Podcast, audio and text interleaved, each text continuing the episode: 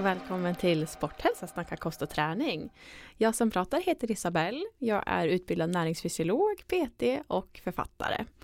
Och dagens ämne är defobulk och de långsiktiga konsekvenserna av det. Med mig så har jag Anna som är chefredaktör här på Sporthälsa. Jajamän, hej och välkomna. Eh, och eh, ja, lite kort om mig. Jag har eh, några PT-utbildningar i bagaget och ja, hela mitt, min karriär har jag jobbat inom träningsbranschen så jag har samlat på mig en del. Ja. Mm. Jajamän. Jag tänker att vi börjar med veckans fråga. Vi har fått in lite frågor och ni får jättegärna skicka vidare, eller skicka mer frågor menar jag. Det är jättekul att, att höra rakt från er vad ni tänker på och vad ni undrar över. Så veckans fråga lyder Ryktet säger att en powerwalk innan frukosten förbränner mer än efter frukosten. Stämmer det enligt forskning och beprövade metoder? Är det olika på olika individer? Mm. Och en mm. powerwalk är då en snabb, rask promenad skulle jag säga. Exakt. Och jag kan ju besvara, och jag tycker att, eller tycker, jag säger att det korta svaret skulle jag säga, nej, det stämmer inte så. Ehm, samtidigt så kan det ju stämma i eh, studier där man tittar på just förbränningen kring en, en måltid innan och efter så. Men det är ju så mycket mer i ens liv som man får liksom ta hänsyn till. Här använder ju personen ordet förbränning och då tänker jag att det handlar om en viktnedgång, att, man, att det är det som man är ute efter. Mm. Och, eh, eller kanske en DEF, eh, som vi kommer in på senare i dagens ämne då. Ehm, och då kan det ju vara så att det blir mer mentala effekter också av en, av en sån här god start på dagen. Att det mm. spiller över på andra beslut man gör. Man väljer en bättre frukost, man fortsätter vara aktiv, man blir pigg och, och så redan från start på dagen och sådär. Mm. Men sen rent kroppsligen så handlar det ju om plus och minus om man, om man verkligen hårdrar det. Det blir ju så, om jag gjort av med mer kalorier än vad jag stoppade i mig, då leder det då till viktnedgången. Sen när man tittar på studier så har det ju också blivit ett litet, vad ska man säga, från forskningen ner till folkmun och så vidare så kan det lätt bli lite ibland eh, snedsteg hur man pratar och sådär och då eh, i kroppen så använder vi olika energisubstrat för att liksom röra på oss, att hjärtat ska slå och allt sånt och det är ju våra kolhydrater, protein och fett som vi använder oss av. Och då mm, som våra kolhydrater är ju kroppens huvudsakliga bränsle som man vill använda. Men vid lågintensiv rörelse så används mer av fett i kroppen för att um, för att utföra rörelsen och vara bränslet. Mm. Och det är det folk har snappat upp. Ja, och då mm. låter det som att så här, ja men då om jag går istället för att springer, då kommer jag ju bränna min fettreserv här liksom på kroppen. Mm. Men det blir ju inte så, utan det, då handlar det mer om de totala kalorierna. Gjorde jag med 10 eller 100 eller 1000 liksom. Mm. Så man måste ju se det i ett större perspektiv. Å andra sidan så eh, upplever jag att man blir ju hungrigare av att springa jämfört med att gå. Mm. Eh, så att då kanske man på sikt liksom äter mera av, av löpningen än promenader. Alltså, om du tänker att du så... har gjort av med lika mycket kalorier om vi säger men på en promenad och på löpningen. Du kanske har gått längre tid ja, och exakt. en kortare ja, ja. ja. Så att därför så kan ju promenader vara att föredra, alltså om man vill gå ner i vikt.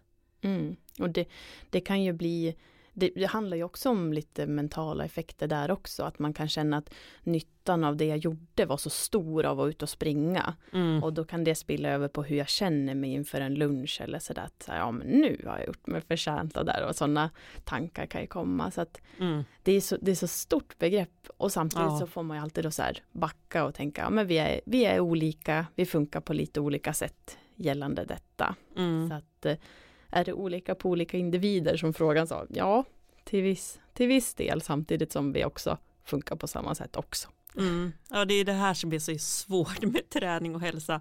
Alltså det, det finns ju så många olika svar på mm. allting liksom. Och beroende på om man kollar på under själva promenaden versus liksom eh, ett år. Eh, mm. Alltså vad som händer i, med kroppen. Mm.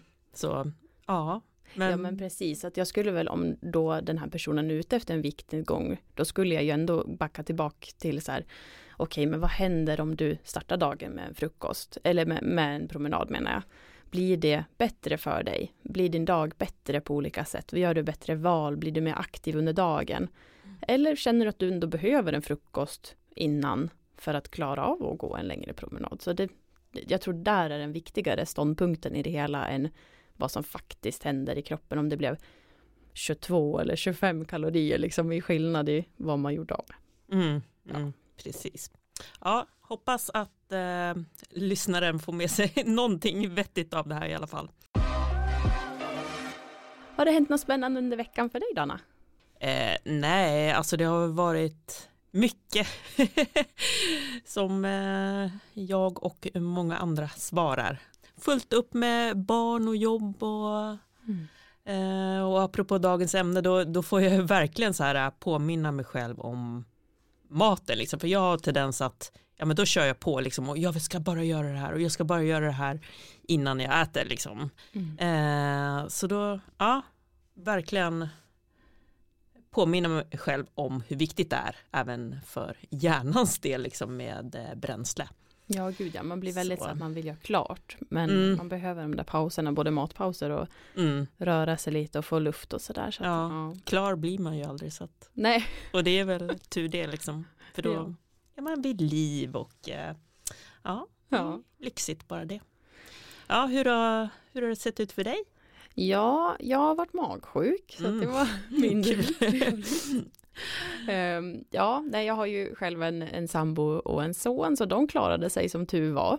Mm. Eh, Så det kom inte från dagissidan eller Nej. förskolesidan men eh, flera på jobbet mitt var eh, magsjuk så att då, då kom det väl därifrån. Mm. Det var inte så jättefarligt men det var ju ändå en magsjuka liksom så. Mm. Eh, så att ja, och sen känt mig lite svag efteråt. Det är ju ofta svårt att få i sig liksom Mm. tillräckligt och, och sen börja träna lite försiktigt efteråt så att man sakta men säkert kommer tillbaks. Annars är jag också rädd ibland att så här panga på direkt. Då, Mm. då kan man lätt bli sjuk för att man inte immunförsvaret hängt med och sådär. Så lite, Lite försiktigt. ofrivillig deff kan man säga. Ja. inte den trevligaste varianten. Nej, ligga på soffan och Ugh. ha en hink bredvid sig. Det är Mm. inte den bästa. Ja, nej, Nej, men dagens... skönt att du mår bättre nu. Ja, men. Dagens ämne som du nämnde, DEF där, DEF och bulk. En Mm. liten brasklapp kan vi börja med och det är ju att kost och hälsa är ju ett väldigt brett ämne som har alltid flera olika perspektiv runt om sig och sådär. Så det kan ju vara lite svårt ibland när man pratar om det att täcka in alla perspektiv så att eh, det, det finns självklart fler synsätt på saken men vi försöker vara så eh, heltäckande som möjligt så att säga. Eh, om vi ska berätta lite eller förklara lite om de här begreppen. Nu har vi slängt oss lite med både def och bulk och allt sånt där. Kan du Mm. säga vad är en bulk? Eh, ja, att ligga på energiöverskott skulle jag säga då. Mm, och, Och det går ju att göra på olika sätt. ja, och det brukar ju ofta vara inom den här fitnessvärlden så att säga. Man kanske tävlar inom fitness och man ska upp på scen och den biten det kommer från från första början i alla fall vad jag vet. Mm. Men sen så blir det lite med att det kommer ner liksom till gemene man och pratar lite om att man ska göra en def eller man ska göra en bulk eller Mm. sådär. Och def det är ju att man då ligger för att gå ner i vikt, man ligger på kaloriunderskott men med målet också behålla så mycket av den här muskelmassan som man byggt på sig under bulken kvar under defen. Mm. Och ord som också brukar förekomma inom det här det är ju matschema. Och det är ju ja, att man har en planerad hur man ska äta både kanske under defen och bulken eller bara under defen. Och ehm, att man då ska äta så att man får i sig tillräckligt mycket av allting förhoppningsvis men också att man ligger på rätt kaloriöverskott eller underskott. Sen Mm. finns det ätardagar som kan vara mer eh, tillåtande och man kanske inte följer sitt matschema just den dagen. Vissa kanske har ja, men lördagar till exempel, då får jag äta vad jag vill. Men samtidigt ska jag, om man summerar hela veckan, då ska jag ändå ligga på plus eller minus eh, totalt sett. Så, där. så det kan vara lite olika ord som förekommer inom den här svängen. Jag tror att det finns något, om det är, om jag, jag minns inte exakt, men om det hette grisbulk också, alltså där, där man bara äter skitmat, eller Ja men om man ska precis. kalla det så. Ja, ja men exakt och det då, då går man upp till vikt liksom på vad som helst liksom. Men sen Mm. kan man ju också känna att en bulk ska också vara, det finns väl två olika då kan man väl säga att den andra bulken då äter man mer bara av bra mat Mm. helt enkelt. Och lite förtydligande tänker jag också med så här kaloribalans. Eh, det ligger man ju i om man eh, är viktstabil. Så. Eh, kaloriunderskott, då äter man ju mindre kalorier än vad man gör av med. Och kaloriöverskott, då äter man ju mer kalorier än vad man gör av med. Ja. Då tror jag vi har täckt in allting i alla fall. vi får Ja. väl se. Ja. Anna, har du några erfarenheter på ämnet om det för bulk? Ja men faktiskt. Eh, när jag utbildade mig som PT år 1999, det var länge sedan, då var det ju liksom, alltså fitnessvärlden var ju liksom, det var styrketräning. Alltså man fick ju med sig mycket, liksom, allt gick ju ut på att bygga muskler, all träning och eh, då fick man med sig det här tänket kring maten på köpet. Så att jag och min eh, exman, vi höll på sådär och skulle bulka under hösten och eh, ingen konditionsträning utan vi bara åt och åt. och jag kommer ihåg jag mådde liksom inte bra av att gå runt sådär eh, proppmätt och helst skulle det ju vara liksom eh, eh, onyttig mat. Eh, och ja, så jag gick ju upp väldigt mycket i vikt och sen på våren då mådde jag inte bra av sättet vi skulle liksom träna och äta heller utan då ja, ströp liksom eh, så mycket kalorier som möjligt och eh, det var morgonpromenader som vi snackade om eh, varje dag nästan och eh, ja, väldigt eh, extrem kost. Men hade du något mål om att nu tävla inom eh, det här eller var det mer för liksom din egen skull? Det var mer för egen skull liksom. Ja, Mm. vi ville komma i form liksom. Mm, bygga mer Eh. muskler och mm, ha en... Ja, bli Lägenhet eh, ja, men, eh, eh, väldigt deffade Mm, eh, mot sommaren. Mm. Så ja, rätt dumt egentligen, alltså så här i efterhand, men eh, det var ju en erfarenhet också, liksom vad jag inte mår bra av att göra. Men eh, mm, Jo men och det är väl på så sätt man kan lära andra får man väl ja, förhoppningsvis ta med sig så. exakt, och det går ju lite i trender också, alltså hur, ja, Mm. och just då så var det de här eh, fitnessatleterna, det var ju liksom idealen eh, inom styrketräning så. Eh, så mm, tider Mm. förändras och Mm. ideal och mål. Hur många år eh, höll ni på tror du? Ja, men det var nog bara ett år tror jag. Alltså ja, ja det var ja, en säsong, en höst och en vår som eh, vi bulkade och deffade och sen så blev mitt nya mål att bli gravid och då eh, funkar det liksom inte att hålla på sådär. Det är lite det vi kan komma in på också, att det finns ju de som har en plan, en tanke med att de gör den här resan. Eh, om de till exempel då tävlar inom fitness, då kanske de har en coach och, mm, som planerar och ser det här liksom ur ett bredare perspektiv. Men samtidigt när det kommer ner liksom till att vem, vem som helst kan börja tänka att ja, men jag, ska, jag ska göra som de där, jag ska deffa och bulka. Och det kan man ju göra på egen hand, absolut. Men då kan det också bli att man kanske går upp väldigt fort, väldigt mycket behöver man det och lite sådär. Så det, det kommer vi komma in på senare. Men det är ju lite det att göra det själv kan vara svårt också. Mm. Ja, och det gäller väl egentligen all elitidrott sådär, alltså att de som håller på med det, de har ju, de lever ju för sin sport sådär, så det är ju svårt för motionärer att bara liksom härma utan att ha stöd av en coach som du nämnde och, och ha allt annat i livet som också ingår och så. mm, Ja, verkligen. Och kunna hålla kvar i sitt, man måste ju ändå ha ett jobb och en lön och Exakt. allt ja. det där. Så att det är väldigt mycket som man ska bolla på egen hand. Så det är ju Mm. ett jättestort projekt att köra. eh, Mm. Om man inte är en elitidrottare utan försöka ta deras livsstil liksom. Precis. Ja. Har du eh, testat någonting av deff eller bulk? Eh, Nej, egentligen inte. Jag vet att em, för ungefär tio år sedan, det var inte så vanligt att man bara liksom styrketränade lite för att man ville göra det, utan det var om man, om man gjorde det, då liksom tillhörde det att man nästan skulle ha ett mål och man skulle Mm. ha man skulle ha ett syfte med det. Jag tror att i dagsläget då är det mycket med att vem som helst liksom har ett gymkort och man bara går in och kör. Mm. Och det, det kanske började komma då, men det var fortfarande så att om man ville man ville vara lite mer allvarlig, då var det så här, men då, eller i sin träning, då, då behövde man nästan sträva efter att eh, köra fitness. Mm. Eller något sånt, att det hörde till. Och eh, då vet jag att jag ja, att jag var väl inne på bulk men det blev aldrig av för jag kände mig väl för obekväm med att börja gå upp i vikt helt enkelt. Mm. Och jag har väl i hela mitt liv varit normalviktig, liksom hälsosam vikt så. Um, men sen blir det ju också då, jag tror lite med ideal och så här, man strävar efter att gå ner och se liksom deffad ut och sådär. Så att då var det mer att jag skulle göra det. Mm. Och det jag vet inte, det blev väl lite tokigt hur man pratar med någon lite så och man läser något där och sådär och så försöker man lite på egen hand och egentligen så vart det väl ingen effekt så på kroppen. Eh, mer att man laborerar med kosten och så märker man det här var svårt och rörigt och Mm. gav ingenting liksom. Så att nej, jag tror jag släppte det ganska fort. Att det, det kändes inte som någonting för mig. Jag vart nog mest besviken på att eh, det, det egentligen lilla jag gjorde inte gav någonting. Nej. Och jag tror mentalt så skulle jag inte vara beredd på att köra det, liksom gå upp i vikt och gå ner i vikt och hålla på. Lite som du säger, man, är, man blir nog obekväm. Om man, ja, vissa personer blir nog i alla fall obekväma av att gå upp i vikt. Liksom även om det bara kanske handlar om fem kilo så känns det lite um, ja, Mm. Jag tror det, det är nog eh, svårare för många, alltså som är eh, träningspersoner, att Mm. gå upp i vikt än gå ner.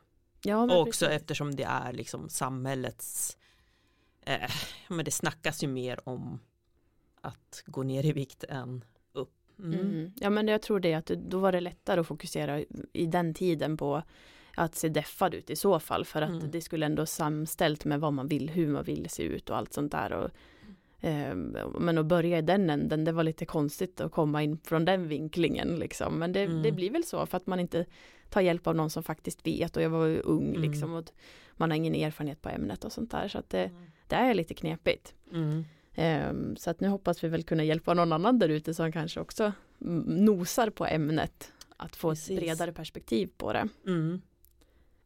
Känns det som att man kan tänka att en defobulk är som en jojo-bantning då? Ja, det tycker jag.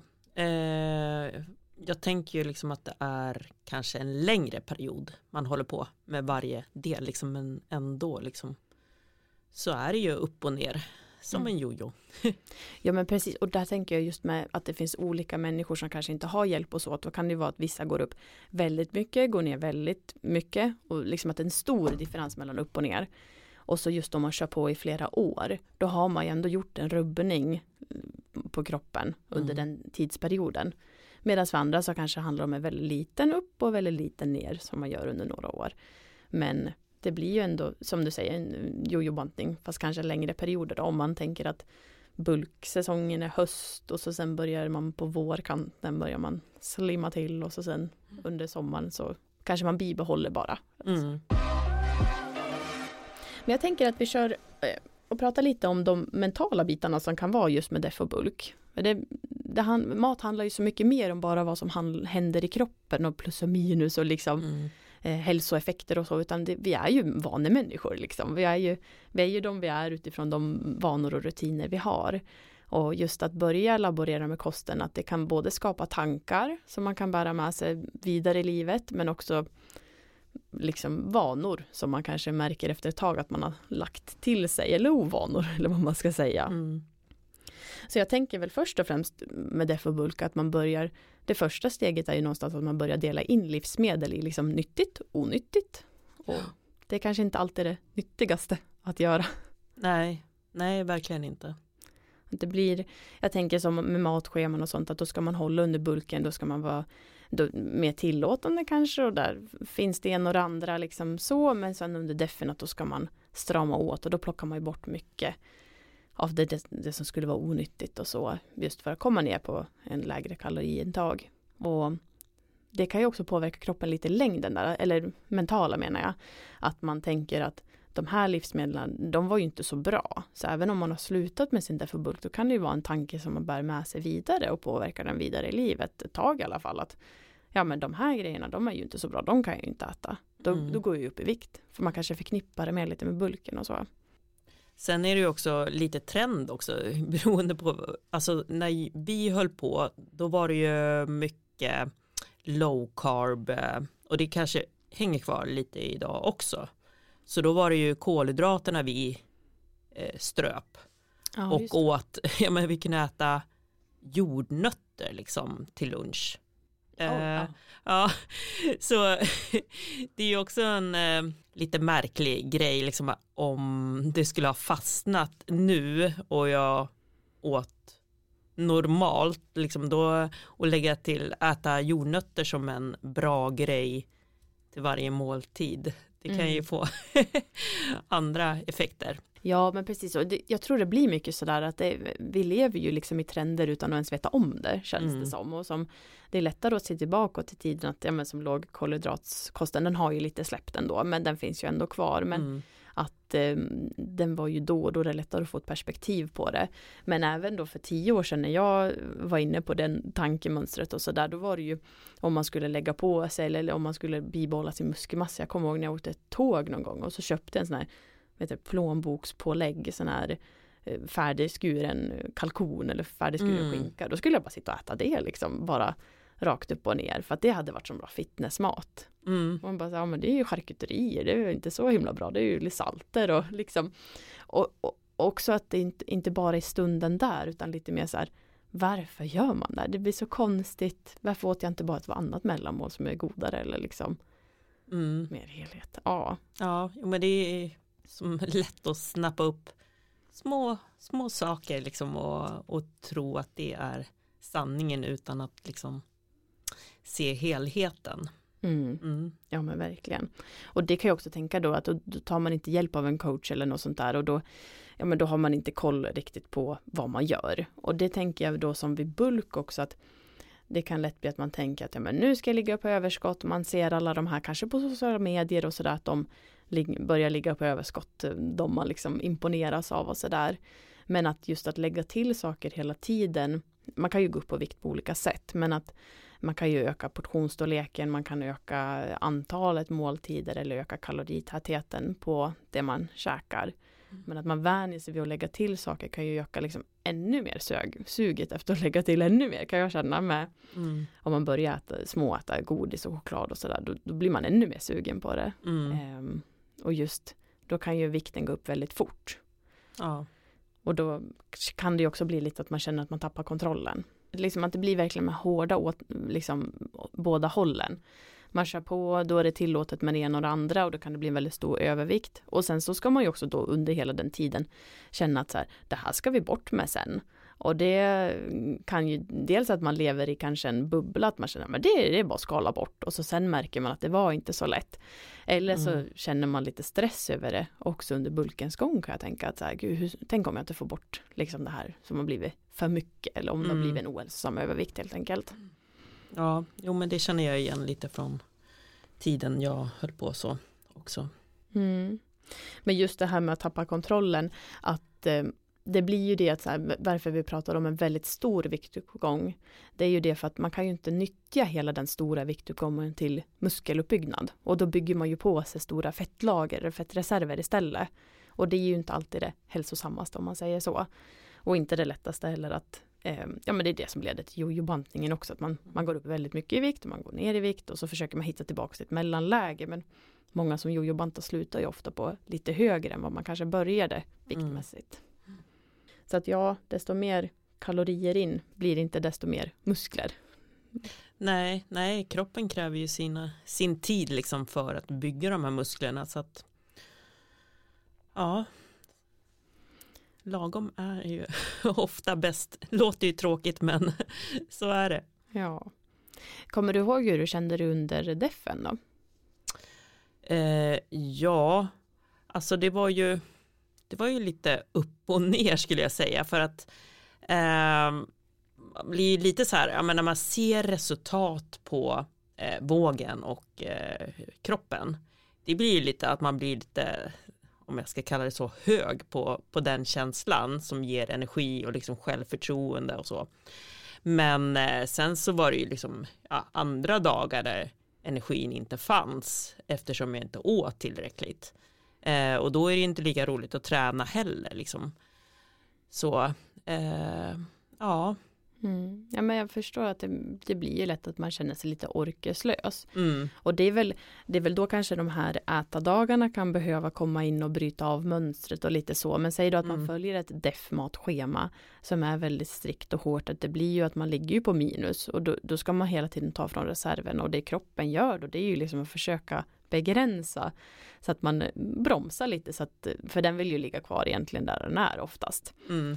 Och då just att eh, man blir trött, orkeslös, alltså ja, minskad glädje med sitt socialliv och med sin partner och minskad liksom, sexlust och allting kan Mm. ju påverkas så just av att man bara käkar mindre. Eller, Ja men precis och sömnen också. Alltså jag mm. svårt att somna och sådär för att jag var hungrig och så. Vi hade ju ätardagar också Mm. och det var ju också så här eh, helt eh, extremt hur mycket vi kunde sätta i oss de där äta, ätardagarna så att det ja Fanns det någon tanke då på att så här, men gud blir det här så pass mycket plus på kaloribudgeten om man säger att, att hela ansträngningen under veckan kommer inte ha spelat någon roll? Alltså jag tror inte att vi tänkte så. Jag räknade inte kalorier heller. Eller jag, i början så gjorde jag det men sen släppte jag det och liksom gick mer på, på känsla så. Mm. Eh, och vi gick ju ner. Men det var ju liksom inget sunt sätt liksom att hålla på sådär. Att bara äta typ ingenting på veckorna och sen eh, så att man hade ont i magen på lördagarna. Så Ja. eh, nej, Nej, inget att rekommendera. Nej, och det tänker jag, det är ju mycket videos som liksom florerar nu, eller vad man ska säga med att så här, se mig äta 10 000 kalorier och, och Ja. sen, jag kommer ha koll på det här, jag kommer, eh, och sen, det kommer ändå inte påverka mig, för jag kommer sen kalkylera ut så att jag går, liksom håller en balans sen och sådär. Så att det har jag sett många YouTube-klipp, reklam för Ja. och sådär. Och att eh, det är kanske inte så enkelt och så bra som man tror. Liksom se någon sitta och trycka i sig typ fem hamburgare liksom och, Nej. och så. Ja, nej men det, och det blir ju Ja, det blir väldigt snett tänk just kring att man, man börjar dela upp livsmedel, man börjar komma in i det här plus och minus, att det spelar ingen roll. Men sen som du säger, äta tills man mår dåligt och sådär. Det, det låter inte så sunt när man backar ut från det och lyssnar Nej. på det. Men jag tror att för många som är i det så är det så här bara, men jag har ett mål och, och det är ju att köra på liksom. Ja. Mm. Och, och sen så också om man säger eh, samhället eller omgivningens eh, det blir också lite att man får när många säger åh du har blivit så smart, alltså åh du har blivit så snygg i kroppen och sådär alla hejarop liksom vid sidan av Mm. eh, som kanske inte ser det här eh, destruktiva i det hela Mm. blir också lite skevt. Ja, Så, Precis, och det tror jag att många som lever med lite ätstörningsproblematik och så också, att man, man ja, det är ju svårt att se det på någon. Man, man, det kan man inte se på någon. Eh, men vad man lever med bakom stängda dörrar är ju en annan sak. Och just då som ätedagar, att äta liksom helt okontrollerat och utan gränser, det, det, det skulle jag säga, det kan inte vara sunt. För att, för att det leder så mycket Dels blir det det här att man mår ju inte bra, man får ofta lite puls efter man har ätit, man känner man får ont i magen, man blir förstoppad, man blir uppblåst, alltså det, blir- det blir lite kaos i kroppen helt Mm. enkelt. Men sen också den här känslan av lite skuldkänslor, att nu har jag, nu ska jag passa på att äta allt det här som jag inte får äta, just att man sätter sådana liksom etiketter på allting. mm, Och, så att och sen när man väl har ätit de här skuldkänslorna, åh nu har jag ätit allt det här, nu måste jag jobba hela veckan för att kompensera det eller sådär. mm. Att det, nej, det låter inte bra när man säger det och ibland ska man nog säga vad man gör högt känner jag. Ja, ja. Sen så eh, måste jag ändå lägga till liksom att det är ju ingen fara om man en högtidsdag liksom äter mer än vad man brukar liksom. Det är ju helt okej känner jag. Alltså nu snackar vi om längre perioder och att man har det som en regelbunden vana att eh, Mm, överäta och eh, må dåligt över det. Absolut. Eh, så, så fritt fram känner jag också att och det är ju helt mänskligt liksom att man äter lite mer vissa måltider. Eh, men nu snackar vi om nästan okontrollerad eh, överätning. Ja men precis och jag tror att i många fall kan också den här liksom fitnesskulturen tangera lite till ätstörningsproblematik. Just att man känner att det är en trygghet att ha den här kontrollen och det är en trygghet att låta någon annan bestämma nästan så här, sitt matschema som man har kalkylerat ut att det, det, det är den som styr och sådär. Mm. Och att just att då sen att det kan lätt bli hetsätning och överätning liksom och kompensationstankar och sådär. Att det, det blir eh, det är lite det som man vill komma ifrån helt enkelt. Eller som, som jag vill att folk kommer ifrån. Mm. Att, eh, att det blir det är en tillåtande ursäkt kanske att hålla kvar i sina ätstörningsproblem. Mm, mm. Och för många kan det ju då också vara just när man lever i de här bubblorna, liksom deff och bulk och på, på sina ätscheman och så att just det sociala. Mm. Liksom alla de extra tillfällena som poppar upp lite. Någon, någon kompis som så hör, hör av sig och vill ha en fika och sådär. Hur funkar det med sånt? Och liksom, det kan ju lätt bli att många fastnar i att de tackar nej till mycket. Mm, man precis, man lite. tappar ja, andra bitar. Ja. Mm. Absolut. Och just det här med glädjen kring mat. Alltså, det ska inte vara någon form av belöning eller bestraffning det man äter utan det ska vara ja, en naturlig del av livet och, och glädje och njutning som kan försvinna genom eh, just det här med experimenterande. Ja men jag tror det. Jag tror att man öppnar upp lite en dörr för att börja dela in livsmedel som sagt i olika kategorier. Mm. Istället för att man försöker se en balans och ibland så äter man mer av någonting, ja men glass, bullar, godis. Som kanske är då lite mer liksom näringslöst och mindre fiber, mindre vitaminer, mineraler, mer kalorier. Men att det gör ju ingenting i det stora hela om man liksom håller en balanserad kost och sådär. Men just att börja dela in saker, då blir det så hårt att så här, ja men den här bullen, den är ju onyttig. Liksom. Mm det är ett svårt ämne på många sätt och jag tror att vissa mår helt bra i det och, och kör på och sådär men jag tror, att, jag tror att det är en väldigt stor dold problematik eh, och att det, att det är utlopp för att det är okej okay att eh, deffa och dra ner och, och, och hetsäta och gå upp och hålla på. Mm. Men just då tänker jag också just det här med eh, när man är inne på det ohälsosamma. Då är det ju det att eh, många som då går ner till en viss fettprocent, de har ju sen som mål att hålla vid den. Eh, att man kanske har gått ner, det kan ju ofta låta väldigt extremt eh, i de här eh, sammanhangen med atleter och så, att man går ner väldigt mycket i vikt. Och då är ju tanken ändå, om, om jag får säga tanken med sporten, att man går ner eh, väldigt mycket i fettprocent eh, inför tävlingen då kanske. Men sen ska man ju gå upp igen till en normal, eh, normal hälsosam fettprocent så. Men just de som går ner väldigt mycket och ligger på en ohälsosamt låg fettprocent, de har ju ofta tanken att de vill ligga kvar där. Mm. Eh, ja, av estetiska skäl och sådär. Mm. Och det är ju inte sunt. Vi behöver ju våra fettreserver i kroppen. Och just som, ja, men som för kvinnor, då märker man ju ofta att mensen försvinner och att eh, ja, det kan ju leda till benskörhet och, och så vidare, liksom inom låg fertilitet och sådär. Så mm. att det, jag tror att det kan vara bra att om man ens är intresserad av den här delen, att man ändå tar hjälp av en näringsfysiolog eller en PT eller en coach av något slag. Och undersöker också vem den är, om den har bra erfarenhet och, och, och bra bakgrund. Mm. Ett um, stort ämne på så sätt, men också ja. just att här, tankarna efteråt, när man kommer av sin, sin deff, vart är man då som person? Är mm. man då redo för att gå på bulken eller ska man bara släppa det och leva normalt men man kanske har kvar de här tankarna om att det är bättre att ligga lågt för man har som du säger fått alla de här komplimangen under tidens gång och sådär. Mm. Och då kan det vara svårt att släppa på igen och leva, liksom fortsätta på en hälsosam bana. Ja, ja det är ju liksom inte bara det fysiska utan det är ju mycket mentalt med, med allting som man får eh, räkna med. Mm. Men om vi då går in mer på det fysiska då skulle jag ändå säga först att att det får bli lite som en jojobantning som vi sa. Jag vet eh, bekanta alltså, som har pratat om efteråt, de, de har kanske hållit på så i några år, liksom kört de här säsongerna på och av och på och av med det för bulk. Att sen tycker de ofta att det är ganska svårt att eh, hitta ett normalläge.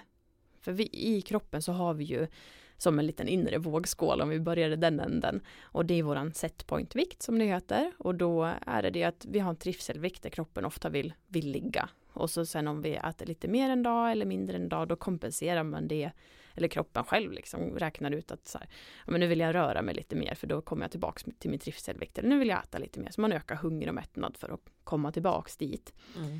Men då om man liksom går upp i vikt, då justerar eller då puttar man upp den här setpointen lite. Om man går ner i vikt kan man putta ner den lite och det, och det, det stör lite den här inre bara balansen mm. till en hälsosam vikt. Och det är många där som kan känna lite att efteråt att de, hittar inte riktigt den här tillbaks till balansen så de känner att om de bara tittar på en chipspåse så går de upp i vikt och sådär. Mm. Det är ju lite mer komplicerat in i kroppen än att det bara är plus och minus liksom på en in och utväg om man säger kalorimässigt. Våran fettväv till exempel, den kan man ju ofta tro är ett väldigt statiskt lagringsutrymme. Det är liksom bara vad vi har lagrat på oss. Men faktum är ju att fettväven är mer än så. Fettväven är ju mm, som en köttel som producerar enzymer, inflammationsproteiner och hormoner. Och fettväven producerar då hormonet leptin som signalerar för mättnad och grehelin som signalerar för hunger. Och de här hormonerna tillsammans är ju grunden för vår hunger och mättnadssignalering. Och då om man går upp väldigt mycket i vikt så kan man få fler fettceller och då kan de sända ut fler av de här hormonerna. Så det kan ju öka vår hunger på sikt även om man går ner i vikt igen. Så det är ju mer än att det bara ehm, det kan bli långsiktiga konsekvenser helt enkelt. Just av att gå upp väldigt mycket i vikt och även sen om man tänker så här, ja men det gör jag just nu men sen kommer jag vara normalviktig sen. Så kan det vara svårare att känna att man är hälsosamt normalviktig sen.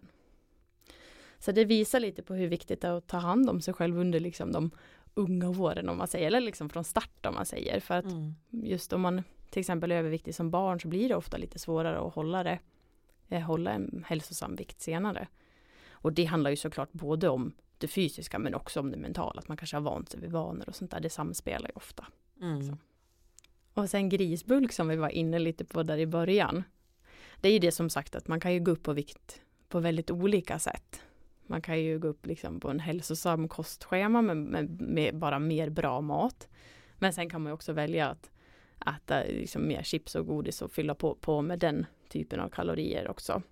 Och det leder ju också till att man under en viss period leder men kanske mer näringsbrist och högt blodtryck och förhöjda blodfetter och sånt där. Um, samtidigt som man tränar så då är det också hälsosamt att man tränar för det hjälper ju den effekten så det är lite sam, samspel och sådär men ja, det, känner du att det, det var inte en grisbulk ni höll på med i alla fall? Nej men inte under själva bulken, eh, bulkperioden, då åt vi ja, men, bra mat. Men däremot under defen, då blev ju de här ätardagarna, då var det ju liksom eh, glass och eh, godis och sådär som, som vi eh, unnade oss liksom på, på lördagarna. Mm. Så um, det blev ju en liten form av eh, gris en grisdag. ja. ja.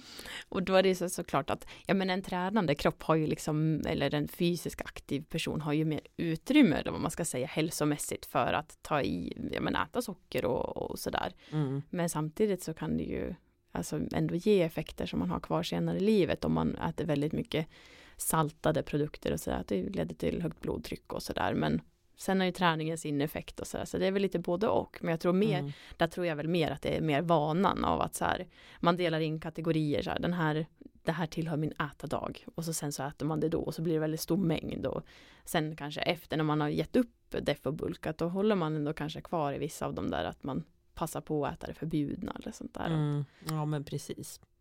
Det blir ju också en liten form av morot liksom under själva dagarna med färre kalorier att se fram emot den här ätardagen. Medan ja, ett mer sunt tänk är att ja, det ska kunna ingå när som helst. Mm. Och speciellt om man tränar också då. Mm. Ja, då behövs precis. energin. Vad känner du då? Behöver man det för att bulka för att bygga muskler? Nej. Nej. Nej, men det behöver man inte. Alltså herregud, man kan, man kan bygga muskler av att ligga helt i normal eh, kaloribalans. Eh, mm. Eh, bara man styrketränar och rör sig liksom och utför muskelarbetet så mm. kommer man bygga muskler. Ja, och prioriterar också vila, alltså mm. att eh, sova ordentligt och eh, vila från träningen så att kroppen får en chans att bygga de här musklerna. Mm. Om nu det är målet. Sen kan man ju, vissa har ju mer genetiska positiva faktorer och sådär, vi är ju Mm. lite olika och Ja. det går ju även att bygga muskler även om man ligger på kaloriunderskott, men det är ju ofta svårare och det är ju lite mer att motarbeta kroppen. Mm. Så i de flesta fall, de som är intresserade av viktnedgång, då skulle jag ju säga att det är lättare att försöka bibehålla den muskelmassa man har Mm. eh, genom styrketräning och så att man konverterar eller vad man ska kalla det, men att man, man går ju ner i, i vikt och helst i fettprocent då, men att styrketräning hjälper att man ändå försöker bibehålla musklerna. Så är det för de allra flesta, men sen finns det ju de som ändå kan bygga muskler och öka sin muskelprocent då också. Men sen om man, om man verkligen skulle titta på det optimala för själva muskeluppbyggandet. Så ja, man kan vara i underskott, man kan vara i normalbalans. Men ett litet överskott skulle jag ju ändå säga är liksom det mest optimala för om man bara tittar på muskeluppbyggnad. I alla fall under en period, om det är det som är målet. Att man, man styrketränar, man käkar hälsosamt, man äter bra. Man kanske äter ungefär 300-400 kalorier extra. Det, det är ju individuellt såklart, men att då gör det att man får mer byggstenar att bygga muskler av samtidigt som man inte går upp i en väldigt stor viktuppgång. För mer än så hinner liksom inte riktigt kroppen konvertera till muskler om man säger använda till muskelarbetet. Och sen ska man ju vila också då. De dagarna antingen så käkar man på samma eller så tar man lite mer normal balans de dagarna som man inte behöver tänka på att lägga till något extra och sådär. Mm. Jag tycker ju liksom att eh, även om jag inte håller på så här med def och bulk idag så blir det lite naturligt så, alltså att under vintern är ute mindre, rör mig mindre, eh, ja, alltså jag går inte upp jättemycket eller ner så, men det, det kan ju röra sig om något kilo som, som brukar försvinna under, under sommaren. Och speciellt då när jag har semester, man är ute mycket med, med barnen, badar, rör sig. Så blir det som en naturlig def. Mm. Eller def, alltså nu snackar vi ett kilo kanske. Mm. Men, men ändå, liksom att det är som en naturlig, eh, ja. Ja, nej, men jag förstår vad du menar och det låter väl alltså, bra. Att, men jag tänker att det där sunda lite mer att kunna backa ut i ett perspektiv att man inte då under vintern, för det tror jag lätt många känner att så här, oj, nu har det liksom skenat iväg, även fast det kanske inte har skenat iväg så mycket i vikten så, men man känner lite mer det här mentala, alltså gud, nu har jag ätit lussebullar och liksom fika på jobbet varje dag under hela december och sen blir man ju också mer stillasittande för man kanske Mm. inte får in den där naturliga, man cyklar inte till jobbet längre för det är för halt och Mm. det är lite knepigare ändå att leva i de här nordliga breddgraderna och få in kontinuitet eh, i träning och så under vintern. Mm. Men det, det finns sätt för det också, det kan vi ta i nästa, i något annat avsnitt. Men eh, sen under sommaren att det, då blir det mer naturligt att man rör sig lite mer och, och ja, sådär. Så att det, jag tror att för många så kan det vara sunt att inte skena iväg i tankarna så om man Nej. känner, jag tror att man kan känna lite den här panikkänslan kanske på vintern och oj nu har det liksom dragit iväg. Men Mm. att bara en hälsosam sund inställning kommer ju att det kommer liksom rätta till, eh, gå tillbaks till skönt läge mot sommaren. För man kanske känner i kläderna att det sitter lite tajt Mm. och lite obekvämt och sådär. Ja. Men att ja, tänka lite på, lägga till en extra promenad, kika lite på om det blir mycket fika eller liksom vad är det som skenar iväg med kosten och bara så här balansera lite, lite Ja. lagom. Ja, och slappna av liksom. Alltså, Mm. Det känner jag ju äldre jag blir. Alltså man får ju mer och mer erfarenhet och vet liksom att ja, men, eh, ett extra kilo det, eh, det kommer försvinna under sommaren när vi är mer aktiva. Mm, och, Och det är säkert kan- bra för kroppen också liksom att ha en period när man är ja, lite lugnare och just får den här chansen till att bygga muskler eh, utan att man kanske styr det så mycket med def och bulk. Men om vi ska summera lite då, så Ja. tänker jag så här att kroppens välmående, det är ju inte separerat i perioder i livet, utan allt hänger ju ihop. Mm. Det jag gör som 20, mellan 20 och 30, den åldern, det kommer ju, om, om det är väldigt destruktivt, då kommer ju ändå det kunna påverka mig som äldre. Och jag tror att många som håller på just med def och bulk, att de ser det lite som en period. eller med bantning överlag, att man kanske är såhär, ja ah, men det är en quick fix, jag ska bara gå ner i vikt, jag kan, jag, jag behöver inte äta något, eller jag kan bara äta det här väldigt enformigt eller så. Men speciellt om det ändå drar ut på en lite längre tid, vilket det ofta gör med kroppen, att det är komplext och det tar tid, då, då kan det leda till näringsbrist och, och ja, benskörhet och, eller ohälsosamma fett, blodfetter och sådär. Och att det, det kan hänga kvar längre. Så jag tror att det är sunt att se över helheten och bara så här, varför, varför gör jag det här om det då skulle vara det för bulk och, och vad är syftet? Gör jag det på ett realistiskt och sunt sätt? Behöver jag ta hjälp av någon? Man mm. ser det lite utifrån på ett sätt. Och för att bygga muskler och gå ner och gå ner i fettprocent om det är det som är målet så behöver man faktiskt inte defabulka. Det räcker med att styrketräna, käka, vila, styrketräna, käka, vila, mm. repetera. Ja. Och jag skulle summera och säga att defabulka kan liknas med jojobantning och att personer senare i livet kan uppleva att de har svårare att hålla en normal hälsosam vikt just för att man, man skjuter lite på den här trivselvikten i kroppen som senare ska hitta tillbaka till ett normalläge men att man också påverkar mentala aspekter som kan göra det svårare att hitta de här balanserade vanorna som man har helt enkelt. Mm. Ja. ja, men bra summerat tycker jag. Jag kan ju bara instämma. Vi får tacka för att ni har lyssnat. Mm, och välkomna att eh, skicka in flera frågor till oss. Så tar vi upp dem i nästa avsnitt. Mm. Och Sporthälsa hittar ni på Instagram och så mig hittar ni på Bellyblonkan. Och det går också bra att skicka till mig, eh, annajonasson.se heter jag på Instagram. Ja, kul att du lyssnade och ta hand om dig. Ha det så bra, hej då! Hej!